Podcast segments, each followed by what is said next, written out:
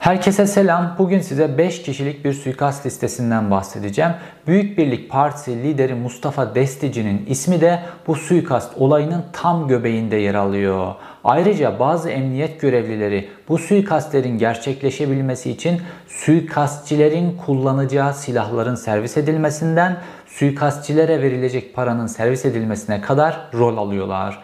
Ayrıca bu emniyet görevlileri bu suikastlerin gerçekleşebilmesi için çeşitli bilgi servisi, adresler, araçlar, güvenlik görevlileri vesaire bununla ilgili bilgi servisi yapıyorlar. Kime? Mafya gruplarına. Olaylar öyle bir noktaya geliyor ki emniyet görevlileri kendi makam araçlarını polis memuru şoförleriyle birlikte mafya babalarına para karşılığı tahsis edecek noktaya kadar işleri ilerletiyorlar. Ve bu suikast, bu suikastlerin etrafında dönen olaylar İstanbul Emniyeti merkezde olmak üzere Türkiye'nin ne kadar karanlık bir olayın içerisinde, durumun içerisinde olduğunu gösteriyor. Ve bir jandarma görevlisi Mustafa Destici'nin ismi dahil, suikasta öldürülecek kişiler dahil, suikastçilere silahları hangi polis memurlarının taşıdığı dahil bütün bilgileri savcılığa resmi olarak ifadesinde bildiriyor.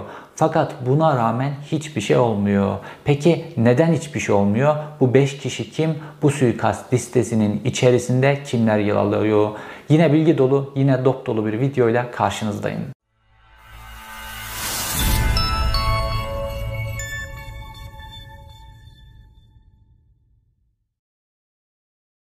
Mustafa Destici'nin ismi bu olaya nasıl karıştı? Bunu anlayabilmemiz için bu suikast olayının içerisine nasıl dahil oldu? Bunu anlayabilmemiz için Türkiye'nin geçmişindeki iki büyük olayı bilmemiz gerekiyor. Bunlardan bir tanesi Naci Şerifi Zindaşti'nin kızının öldürülmesi hadisesi.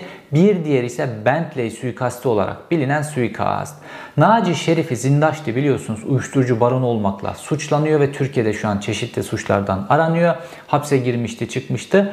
Naci Şerifi Zindaşti'nin kızı Nigar bir suikaste kurban gitti. Fakat araçta Zindaş'ta olduğu zannedilerek bu suikast düzenlendi ve bu suikastin arkasında da Orhan Üngan ile İlhan Üngan dediğimiz kardeşlerin yani Üngan ailesinin olduğu düşünülüyor bu suikastin arkasında. Yargılama halen daha sürüyor. Yargılamanın içerisine pek çok kirli iş, para trafiği, rüşvetler vesaire karıştı.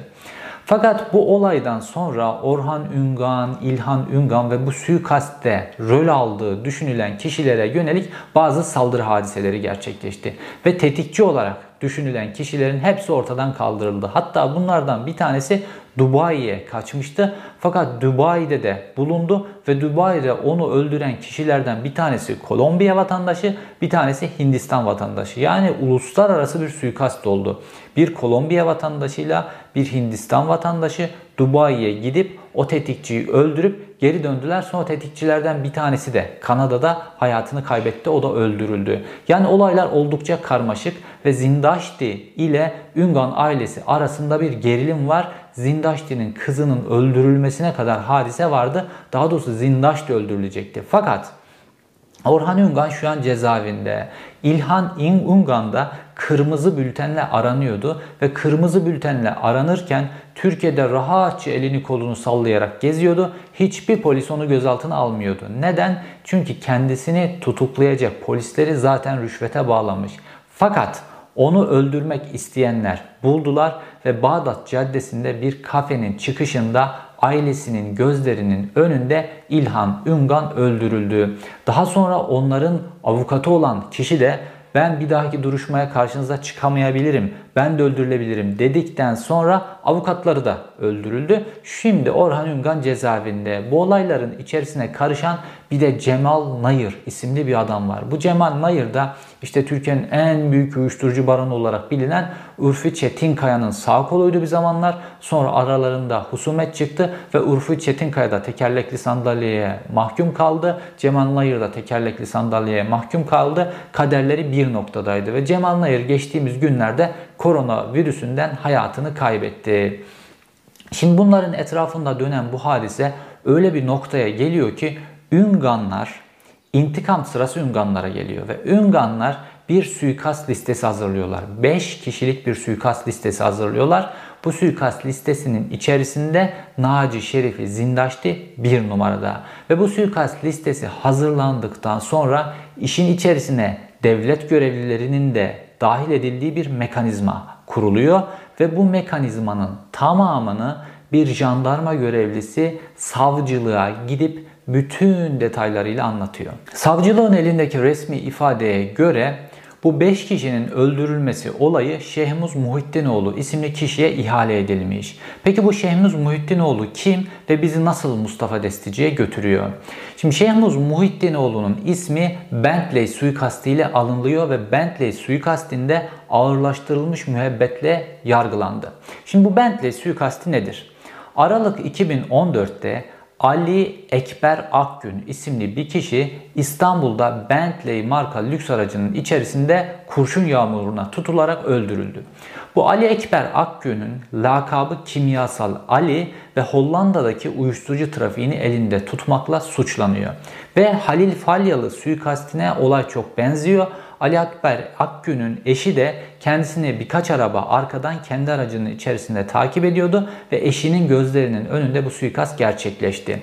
Suikast gerçekleştikten sonra polis bir inceleme başlattı ve mafyanın çok kullandığı bir yöntemle karşılaştılar. Bu aslında polisin işini zorlaştıran bir yöntem. Neden? İz bırakmayan, takip edilemeyecek araç kullanmışlardı. Bu nasıl bir sistem? Mesela Opel marka bir araç çalıyorsunuz. Bu aracın plakalarını çıkartıp atıyorsunuz bir kenara. Bu araca mesela bir Tofaş'ta kullanılan bir plaka getirip takıyorsunuz. Kopya bir plaka getirip takıyorsunuz ve suikast bununla işleniyor. Sonra bu aracı götürüyorsunuz kameraların olmadığı bir yerde normal kendi orijinal plakalarını takıyorsunuz. Sonra da götürüp yine kameraların olmadığı bir yerde park yasağı olan bir alana bırakıyorsunuz. Sonra Polis park yasağı olan bu alandaki arabayı alıyor, götürüyor, otoparka bırakıyor ve aracın sahibi de arabam çalındı diye şikayet ediyor. Sonra aracın çalınmadığı otoparkta olduğu ortaya çıkıyor. Gidip aracını alıyor ve ortada takip edilemez bir araç var. Çünkü normalde suikaste kullanıldığı sırada ve kamera kaydına girdiği sırada üzerinde kendisiyle eşleşmeyen farklı bir marka modelin bir plakası var. Buna rağmen polis suikastçileri buluyor ve suikastçilerin hepsi tutuklanıyor.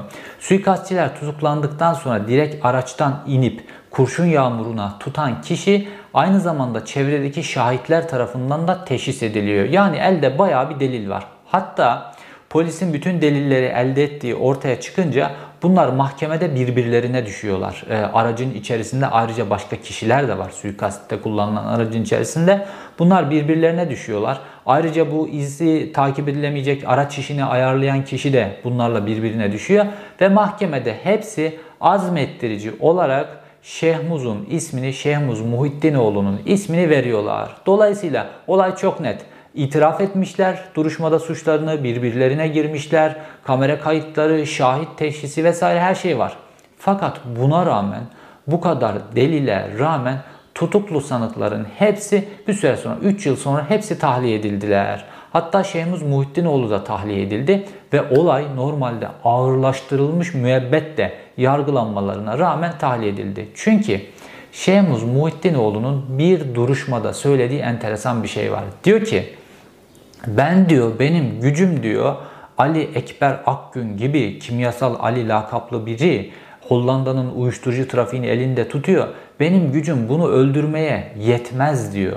Zaten diyor ben o gün diyor bazı işlerim vardı diyor. Olaydan sonra ben zaten Ankara'ya doğru yola çıkmıştım. Ankara'da bazı siyasetçilerle görüştüm diyor.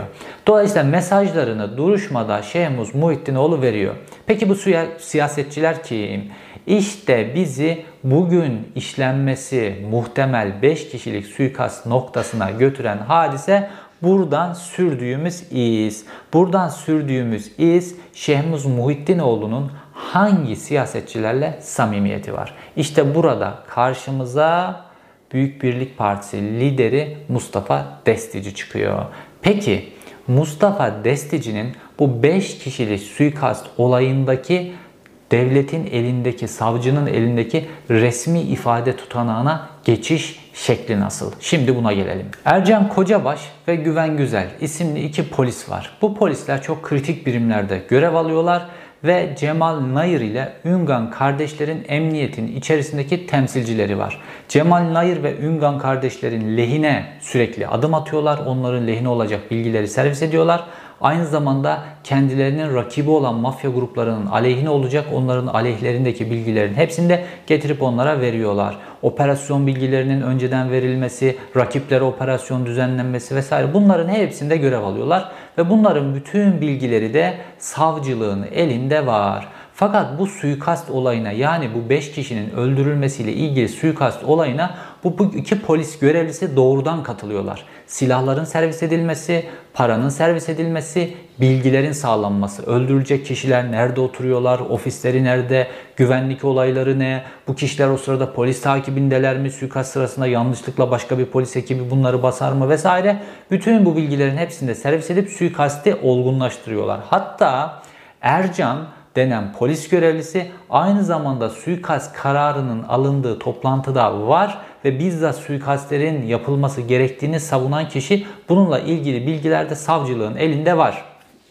Tüm bunlardan sonra Muhittin, e, Şehmuz Muhittinoğlu'nun işleri inanılmaz kolaylaşıyor. Çünkü işin içerisinde bir biçime devlet desteği yani bu polis görevlileri üzerinden devlet desteği var. Dolayısıyla bilgiler vesaire her şey hazır. Sadece suikasti işleyecek. Fakat Şehmuz Muhittinoğlu'nun o zamanlar işleri başı biraz dertte. Neden dolayı? Bir bu söylediğim Bentley suikasti nedeniyle, bu dava nedeniyle. ikincisi de kendisinin de işte Zindaşti tarafından vesaire öldürülmek ya da başka bir mafya grubu tarafından öldürülmekle ilgili endişeleri var. Dolayısıyla kendisinin korunmaya ihtiyacı var. Aktivitelerinin yaptığı işleri çok örtülü olarak yapmaya ihtiyacı var. İşte burada ihtiyacı olan şey Büyük Birlik Partisi lideri Mustafa Destici'nin makam aracı. Neden? Çünkü Mustafa Destici'nin aynı zamanda da polis korumaları var. Mustafa Destici'nin arabası durdurulamıyor. Mustafa Destici'nin arabası dokunulmaz. Dolayısıyla Böyle bir arabada izini hiç belli etmeden bu arabanın içerisinde hiç durdurulmadan, kırmızı ışığa takılmadan, ondan bundan istediği yere gidebilir. Polis aramasına takılmadan istediği yere gidebilir, istediği faaliyeti yapabilir ve gelir. Mustafa Destici'nin tabii ki bu işten aldığı bir karşılık var. Ve bu bilgiler savcılığında elinde. Ve savcılığa bu bilgileri kim verdi? Kamu tanığı sıfatıyla bir jandarma görevlisi bu bilgileri savcılığa verdi. Şehmuz Muhittinoğlu Büyük Birlik Partisi lideri Mustafa Destici'nin 06 BBP 01 plakalı aracıyla Cemal Nayır'ın yanına gidiyor ve suikast görevini bizzat Cemal Nayır'dan alıyor.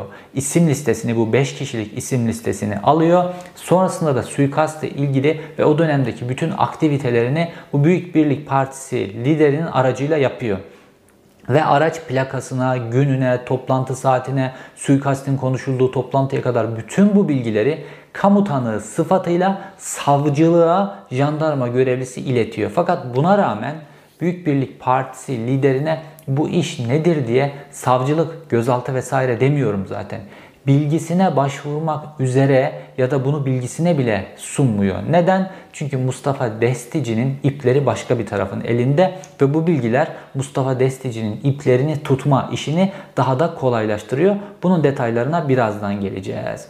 Şimdi Şehmuz Muhittinoğlu bu görevi aldıktan sonra suikast silahları ve paranın hareket etmesiyle ilgili bazı işlerin yapılması lazım. İşte burada da e, Güven Güzel ve Erkan Kocabaş isimli polis görevlileri bu iki mafya grubu adına hareket eden polis görevlileri devreye giriyorlar ve Çatalca'da suikaste kullanılmak üzere e, bir Kalaşnikov'da kullanılacak 300 adet mermiyi doğrudan Erkan Kocabaş götürüp e, Cemal Nayır'ın suikastçisine teslim ediyor.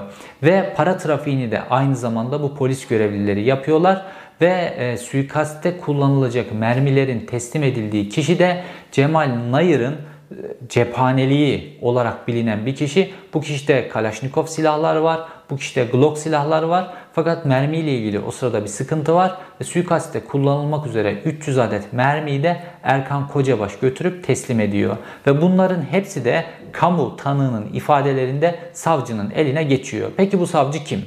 Bu savcı Ercan Devrim. Ercan Devrim bu ifadeyi almamak için kamu tanığından bu ifadeyi almamak için oldukça direniyor. Ve kamu tanığından en sonunda bu ifadeyi alıyor ve ifadeyi aldıktan sonra hiçbir şey yapmıyor ve üzerine yatıyor. Ve bunun mükafatı olarak da İstanbul Adliyesi içerisinde yükseltildi. Ben zannedersem başsavcı vekili vesaire gibi bir noktaya kadar da yükseldi kendisi. Ve o günden bugüne bu dosyaya başka savcı da sonradan bakıyor vesaire. Bu dosyada bu konuyla ilgili hiç kimse bir adım atmıyor. Normalde kamu tanığı sıfatıyla bir jandarma görevlisi böyle bilgileri vermiş. Böylesine büyük suçlamalar var. Böyle içi boş şeyler de değil. Gün, tarih, isimler, plakalar, toplantı, toplantının detayları vesaire bunların hepsi çünkü kendisi orada görevli olarak devletin istihbaratçısı olarak olayın içerisinde bulunmuş. Dolayısıyla bütün bu bilgileri vermiş ve savcılığın eline geçmiş. Savcılık hiçbir adım atmıyor bununla ilgili. Bunun detaylarına birazdan geleceğiz. Fakat bu 5 kişi kim ve bu 5 kişi neden öldürülmek istiyor? Biraz da bunun detaylarına gelelim. Suikast listesinde yer alan kişilerin bir numarasında Zindaşti var. 2 numarasında Zindaşti'nin avukatı İlker Dağlı var. Sonrasında ise Metin Erbay, Coşkun Zafer Güzel ve Hasan Akkuş var. Şimdi bu insanlar neden öldürülmek isteniyor? İlk ikisi Zindaşti ve onun avukatı İlker Dağlı ile ilgili mesele e, biraz açık aslında. 2018 yılında Şişli suikastı. Yine başka bir suikast. 2018 yılında Şişli suikast diye yine bir suikast işlenmişti. Ve bu suikastte Murat Çarık ve Murat Barkaç isimli iki kişiye saldırı düzenlendi. Murat Çarık hayatını kaybetti. Murat Balkaç ise yaralı kurtuldu. Murat Balkaç savcılıkta önce bir ifade veriyor. Sonra savcılıktaki ifadesini değiştiriyor. Ve diyor ki işte bu Cemal Nayır vesaire bunlar bana suikast düzenlediler. Bunlar beni öldürmek istediler ve suikastla ilgili Cemal Nayır'ı işaret ediyor. Bundan bu ifadenin değiştirilmesinden işte az önce saydığım rüşvete bağlanan polis görevlisi var ya Ercan. Bu polis görevlisi gidip bununla ilgili bütün bilgileri Cemal Nayır'a veriyor. Diyor ki Bak adam savcılıkta ifadesini değiştirdi diyor. Dolayısıyla gizli soruşturmadan bilgi sızdırıyor. Bu ifade değiştirme olayıyla ilgili Zindaşti'yi ve avukatı İlker Dağlı'yı suçluyorlar. Dolayısıyla bu iki kişinin öldürülmesiyle ilgili listenin üst numarasına koyuyor. Bunları Cemal Nayır ve sonra da işte Muhittin'e bu işi ihale ediyor. Diğer üç kişi ise diğer üç kişi hem Zinda hem e, Üngan kardeşler adına hem e, Cemal Nayır adına tetik çekmiş adamlar, suikast işlemiş adamlar. Ve bunlar ifadelerinde bunları biraz da ikrar ettiler. Bunları bir şekilde içeriden çıkardılar, o yaptılar, bu yaptılar, kurtardılar. Şimdi bunların ileride kendi başlarını yakmamaları için bunların ortadan kaldırılması lazım. Bunlardan kurtulmaları lazım. Dolayısıyla bu 3 kişi de bu şekilde bu 5 kişilik suikast listesinin içerisine konuyor. Dolayısıyla liste 5 kişi haline geliyor. Bu 5 kişilik liste Şehmuz Muhittinoğlu'na veriliyor. Şehmuz Muhittinoğlu da kendisinin üzerinde bir biçimde kamu kalkanı var çünkü iktidar ortağı Büyük Birlik Partisi'nin lideri e, Mustafa Destici ile kanka. Bu kankalık öyle bir boyuta gidiyor ki duygusallık da işin içerisine giriyor. Mustafa Destici'nin aracını kullanacak kadar işi ilerletiyorlar. Fakat bu araç işleri yani dokunulamayacak araçların mafya gruplarına tahsis edilmesi işi daha derinlikli bir boyutta. Öyle bir boyutta ki organize şube müdürü kendisinin takip etmesi gereken mafya gruplarına aracını ve koruma polisiyle birlikte yani devletin polisiyle birlikte devletin makam aracını 10 bin euroya kiralıyor ve bu da ortaya çıkıyor. Devletin polisinin makam arabasıyla birlikte mafya kiralayan emniyet müdürüne geçmeden önce bu kamu tanığının ifadesinin içerisinde Cumhuriyet Halk Partili bir milletvekiliyle ilgili geçen bir kısım var. Buna da değinmem lazım. Şimdi bu kamu tanığının savcılığın elindeki resmi ifadesine göre bu rüşvet hadiselerinin içerisinde bir CHP'li milletvekilinin de ismi geçiyor. Ali Hadi Emre isimli bir avukat vardı ve bu avukatın ismi Cemal Nayır tutukluyken onun tahliye edilmesi için İstanbul 14. Ağır Ceza Mahkemesi Başkanı Erkan Çanak'a 1 milyon dolar rüşvet verilmesiyle ilgili dosyada geçiyordu. Şimdi CHP milletvekili Zeynel Emre Bu Ali Hadi Emre'nin oğlu ve şu anda milletvekili Cumhuriyet Halk Partisi'nin parti meclisi üyesi. Şimdi bu kamu tanığının ifadesine göre yine bir rüşvet hadisesi dönüyor son zamanlarda ve bu rüşvet hadisesinde de Zeynel Emre ile Ali Hadi Emre yine başrollerde. Şimdi bu Ali Hadi Emre olay oldukça kritik. Normalde bu Cemal Nayır denen Urfi Çetinkaya'nın dünyanın en büyük uyuşturucu baronlarından biri Urfi Çetinkaya'nın sağ kolu olan Cemal Nayır tutuklanmıştı. Ve bu Ali Hadi Emre onun çıkartılması için İstanbul 14. Ağır Ceza Mahkemesi başkanına 1 milyon dolar rüşvet veriyor. Sonrasında bu tahliye edilemiyor. Çünkü Cemal Nayır'la ilgili hadise o günlerde çok medyatik. Olay bir türlü sönümlenmiyor. Sönümlendiği zaman tahliye edilecek. Fakat bununla ilgili savcılığın eline bilgi ulaşınca dinlemeler başlıyor. Dinlemeler başladığında İstanbul 14. Ağır Ceza Mahkemesi Başkanı Erkan Çanak'ın Ali Hadi Emre ile ve başka kişilerle yaptığı telefon görüşmeleri ortaya çıkıyor. Bu telefon görüşmelerinde bütün bu tezgah ortaya çıkıyor ve bununla ilgili soruşturmalar açılıyor.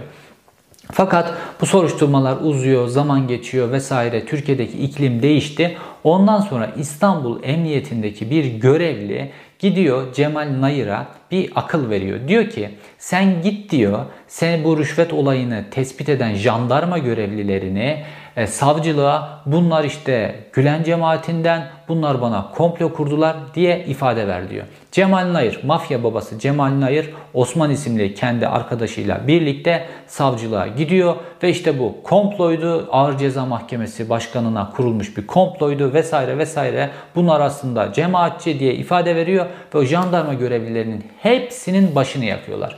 Bu aklı veren istihbaratçı, emniyet görevlisi de tabii ki bahşişini alıyor.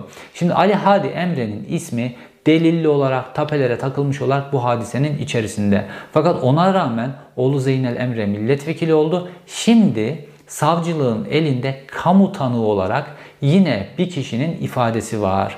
Fakat bununla ilgili hiçbir adım atılmadı şimdiye kadar.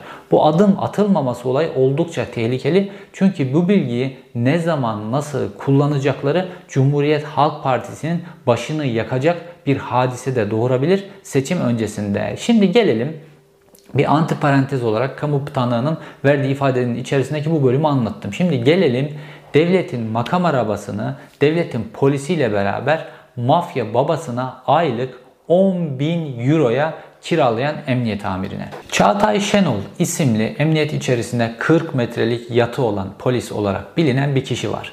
Yani bir polis memur maaşıyla 40 metrelik yatı bırakın ayağını denize zor sokuyor bugünlerde fakat onun 40 metrelik bir yatı var. Ve bu polis memurunun ilişki içerisinde olduğu bir isim var. O da Oğuzhan Türk. Şimdi Oğuzhan Türk Galatasaraylı eski basketbolcu ve bu ismi biz handikap operasyonundan biliyoruz. Bu yasa dışı bahis operasyonunda da isim geçen isimlerden bir tanesiydi.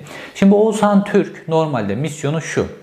Türkiye'deki yasa dışı bahis paralarını toplamak, tahsil edildiği noktalardan toplayıp bahis oynayan bahis sitesinin sahibi kişiye iletecek mekanizmayı kurmak. Oğuzhan Türk'ün görevi bu. Ve normalde Oğuzhan Türk bir tane İngiltere vatandaşı, Musevi asıllı bir İngiltere vatandaşı Scott William isimli bir kişiyle çalışıyor normalde. Fakat bu Veysel Şahin isimli şimdi cezaevinde olan Halil Falyalı'nın da eski ortağı olan yasa dışı bahis işlerinin en önemli isimlerinden bir tanesi Oğuzhan'a gidiyor diyor ki ya diyor niye bu Yahudinin paralarını topluyorsun diyor. Gel benim paralarımı topla filan diyor. Konuşuyorlar ikna oluyor vesaire. Oğuzhan ondan sonra Veysel Şahin'in yasa dışı bahisten elde ettiği gelirleri toplayıp onun yurt dışına çıkartılması ile ilgili düzeneyi takip etmeye başlıyor. Fakat Scott'un işlerini bıraktığı sırada 11 milyon dolar gibi bir parayı teslim etmiyor Scott'a. Ve oradaki o parayı tahsil ettiği halde, topladığı halde buharlaştırıyor. Ve Scott da bu parayı alabilmek için İstanbul'da tetikçi arayışına girmeye başlıyor. Ve bu bir şekilde Oğuzhan Türk'ün kulağına geliyor. Ve Oğuzhan Türk de Robert Güler isimli bir adam var. Bir arkadaşı var. Bu Robert Güler çok önemli bir isimdir. Bu kuyumcu bilinir İstanbul'da. Fakat bu bütün bu kamu personeline rüşvet verilmesi, Türkiye'de yasa dışı paranın döndürülmesi vesaire bütün bu işlerle ilgili çok kilit isimlerden bir tanesidir. Ve şimdi Anayasa Mahkemesi üyesi olan, geçmişte İstanbul Cumhuriyet Başsavcısı olan İrfan Fidan'ın da en büyük finansörlerinden bir tanesidir. İrfan Fidan'a bu FETÖ borsası vesaire bu tip meselelerde milyonlarca dolar kazandırmış düzeneğin icatçılarından bir tanesidir bu Robert Güler. Şimdi Oğuzhan Türk Robert Güler'in yanına gidiyor diyor ki Scott beni vurduracak diyor. Bununla ilgili ne yaparım diyor korkar vaziyette. Robert de diyor ki gidelim diyor organize şube müdürünün yanına. Organize şube müdürü benim arkadaşım. O bize bir yol yöntem gösterir. Gidiyorlar organize şube müdürü Çağatay Şenol'un yanına, dönemin organize şube müdür yardımcısı Çağatay Şenol'un yanına. Çağatay Şenol diyor ki ben size diyor kendi makam arabamı kendi makam şoförüm, makam şoförü de polis. Onunla birlikte kiralayayım size diyor. Kimse diyor organize şubenin müdür yardımcısının aracındaki birine suikast düzenleyemez diyor. Siz koruma altında olursunuz diyor. E ne kadara kiralayacaksın? Aylık 10 bin euroya kiralarım diyor. Ve araba kiralanıyor. Ondan sonra devletin verdiği makam arabası, devletin organize şube müdür yardımcısının altına verdiği makam arabası ve devletin maaşını ödediği polis şoför olarak bir yasa dışı bahisten daha sonra tutuklanacak Oğuzhan Türk isimli kişiye bir mafya grubundan korunmak için tahsis ediliyor. Normalde ne olması lazım? Bir adam öldürülmekten korkuyorsa bu velev ki mafya üyesi olsun. Öldürülmekten korkuyor ve bununla ilgili elinde sağlam deliller varsa bununla ilgili koruma kararı aldırılması için valilik ke kadar gidecek bir mekanizma işler. Normalde yasal süreç bu şekildedir ve bu kişi öldürülmekten korunur. Türkiye Cumhuriyeti vatandaşı sonuçta. Ama kendi makam arabasını parayla kiralıyor. Ve 3 ay boyunca 30 bin euro para veriyor. 3 ay bunu kullanıyor. Normalde işte olaylar yatışıncaya kadar kullanacak. Fakat 3 ay sonra neden geri çekiyor? 3 ay sonra bu handikap operasyonu denen operasyon patlıyor. Handikap operasyonu patlayınca Oğuzhan Türk'ün ismi de bu handikap operasyonu içerisinde geçiyor. Bu yasa dışı bahis operasyonu içerisinde. Ve Oğuzhan Türk tekrar Çağatay müdürü arıyor Çağatay müdüre diyor ki ya beni bir şekilde bu operasyon içerisinden sıyır. Çağatay müdür bunu duyunca çünkü kendi dışında bir polis ekibi bu e, operasyonu gerçekleştiriyor. Çağatay bunu duyunca hemen makam arabasını geri çekiyor. Ve telefon dinlemesine, Oğuzhan'ın telefon dinlemesine, Robert'le yaptığı telefon dinlemesine şöyle enteresan bir durum takılıyor. Diyor ki ya diyor biz çağ, bu Çağatay denen nokta nokta noktaya 30 bin euro para verdik 3 ayda işte bu iş için. Ondan sonra ilk sıkıştığımız zaman da bizi sattı diyor. Ondan sonra başımız derde düştüğü ilk zamanda bizi sattı diyor vesaire. Bu dinlemeye takılıyor. Bu dinlemeye takıldıktan sonra öncelikle bu Çağatay'la ilgili bir içeride idari soruşturmanın başlatılması lazım. Bu idari soruşturma kime veriliyor? Feramus Çetin, o zaman kaçakçılığın müdürü olan Feramus Çetin'e veriliyor. İşte devremdi, arkadaşımdı, oydu buydu. Zaten ikisi de aynı yolun yolcusu vesaire. Bununla ilgili konuşuluyor vesaire ve bu ifade kısmı o soruşturmanın içerisinden tereyağından kıl çeker gibi bu tape oranın içerisinden çıkartılıyor. Dolayısıyla devasa bir skandal normalde. Devletin organize suçlarla e, mücadeleyle ilgili müdür yardımcısı kendi makam arabanı, arabasını devletin polisiyle birlikte tutmuş yasa dışı bahisçiye, mafyaya kiralamış. İnanılmaz büyük bir skandal fakat bu tereyağından kıl çeker gibi bu tape oranın içerisinden çıkartılıyor ve bütün hadise temizlenmiş oluyor. Fakat bu kadar mı? Şimdi gelelim Sultanbeyli ilçe emniyet müdürüne. O nasıl kendi arabasını mafya babasına kullandırmış hadisesine. Necat Daş isimli biliyorsunuz çok büyük bir mafya lideri var. O da uyuşturucuyla ismi çok anılır. Türkiye'nin, alemin bildiği isimlerden bir tanesidir. Şimdi bu Necat Taş'ın şöyle bir müşkülü var. Bu pandemi zamanında, sokağa çıkma zamanında sokağa çıkamıyor bir türlü. Fakat işlerini takip etmesi lazım. Arıyor Sultanbeyli ilçe emniyet müdürü Necmettin Yüksek'i arıyor ve diyor ki ya diyor benim sokağa çıkmam lazım. Şu işi hallet diyor. Ve sokağa çıkabilmesi için Necmettin müdür kendi makam arabasını Necat Taş'a tahsis ediyor ve Necat Taş bütün bu sokağa çıkma sürecinde Sultanbeyli ilçe emniyet müdürünün aracını kullanıyor. Fakat sonra Nejat Taş'a yönelik bir işte operasyonla ilgili bir dinleme e, yapılıyor ve bu dinlemenin içerisinde Nejat Taş'ın sürekli olarak bir polis memuruyla Halil İbrahim isimli bir polis memuruyla sürekli olarak telefonu çıkıyor. Bu Halil İbrahim isimli polisi çağırıyorlar. Bu ne diyorlar ve Halil İbrahim her şeyi anlatıyor. Diyor ki ben diyor Sultanbeyli İlçe Emniyet Müdürü'nün polisiyim diyor, e, şoförüyüm diyor ve beni diyor işte müdürüm diyor bu kişiyle tanıştırdı Necat Taş'ta ve bu Necat Taş'ı nereden alınıp nereye bırakılması gerekiyorsa bu işleri hallet dedi. Ondan sonra Necat Taş beni aradı. Oradan aldım oraya bıraktım, buradan aldım buraya bıraktım. Hatta bir seferinde makam aracını emniyette bıraktığım sırada beni aradı. Kendi özel arabamla gidip alıp bir yere bıraktım diye ifade veriyor. Yani devletin makam arabasını uyuşturucudan defalarca ceza almış bir isme bir ilçenin emniyet müdürü e tabii ki menfaati karşılığında kiralıyor. Bunlar İstanbul Emniyeti başta olmak üzere Türkiye'deki emniyetin ne duruma geldiğini gösteren çok önemli hadiseler. Çünkü şu anki polis kadrosu özellikle de İstanbul'daki polis kadrosu Mehmet Ağar'ın kadrosu. Mehmet Ağar'ın kadrosu Berat Albayrak'ın kadrosu ve Süleyman Soylu'nun kadrosu. İşte bunların polisleri bu. Kendilerini mafya babasına kullandırdıkları yetmiyormuş gibi kendilerinin emrindeki devletin onlara tahsis ettiği şoförleri, polis, emniyet görevlisi şoförleri dahi kiralıyorlar o yetmiyor makam araçlarını veriyorlar. Mafya gruplarına birbirleri hakkında bilgiler veriyorlar. Mafya gruplarını birbirleriyle çatıştırıp oradan cebimizi doldururuz diye e, hesaplar yapıyorlar. Artı inanılmaz büyük skandallar ortaya çıkıyor. Devletin koruma tahsis ettiği bir siyasi parti lideri bir suikastçıya ve daha önce Bentley suikastı olarak bilinen bir suikaste ismi çok açık olarak geçmiş bir suikastçıya ismi sayfa sayfa gazetelere düşmüş bir suikastçıya kendi makam aracını veriyor ve bunun hepsini de kamu tanığı sıfatıyla bir jandarma görevlisi getirip bir savcıya veriyor. Fakat bu savcı ne hikmetse hiçbir soruşturmayı hiçbir biçimde ilerletmiyor.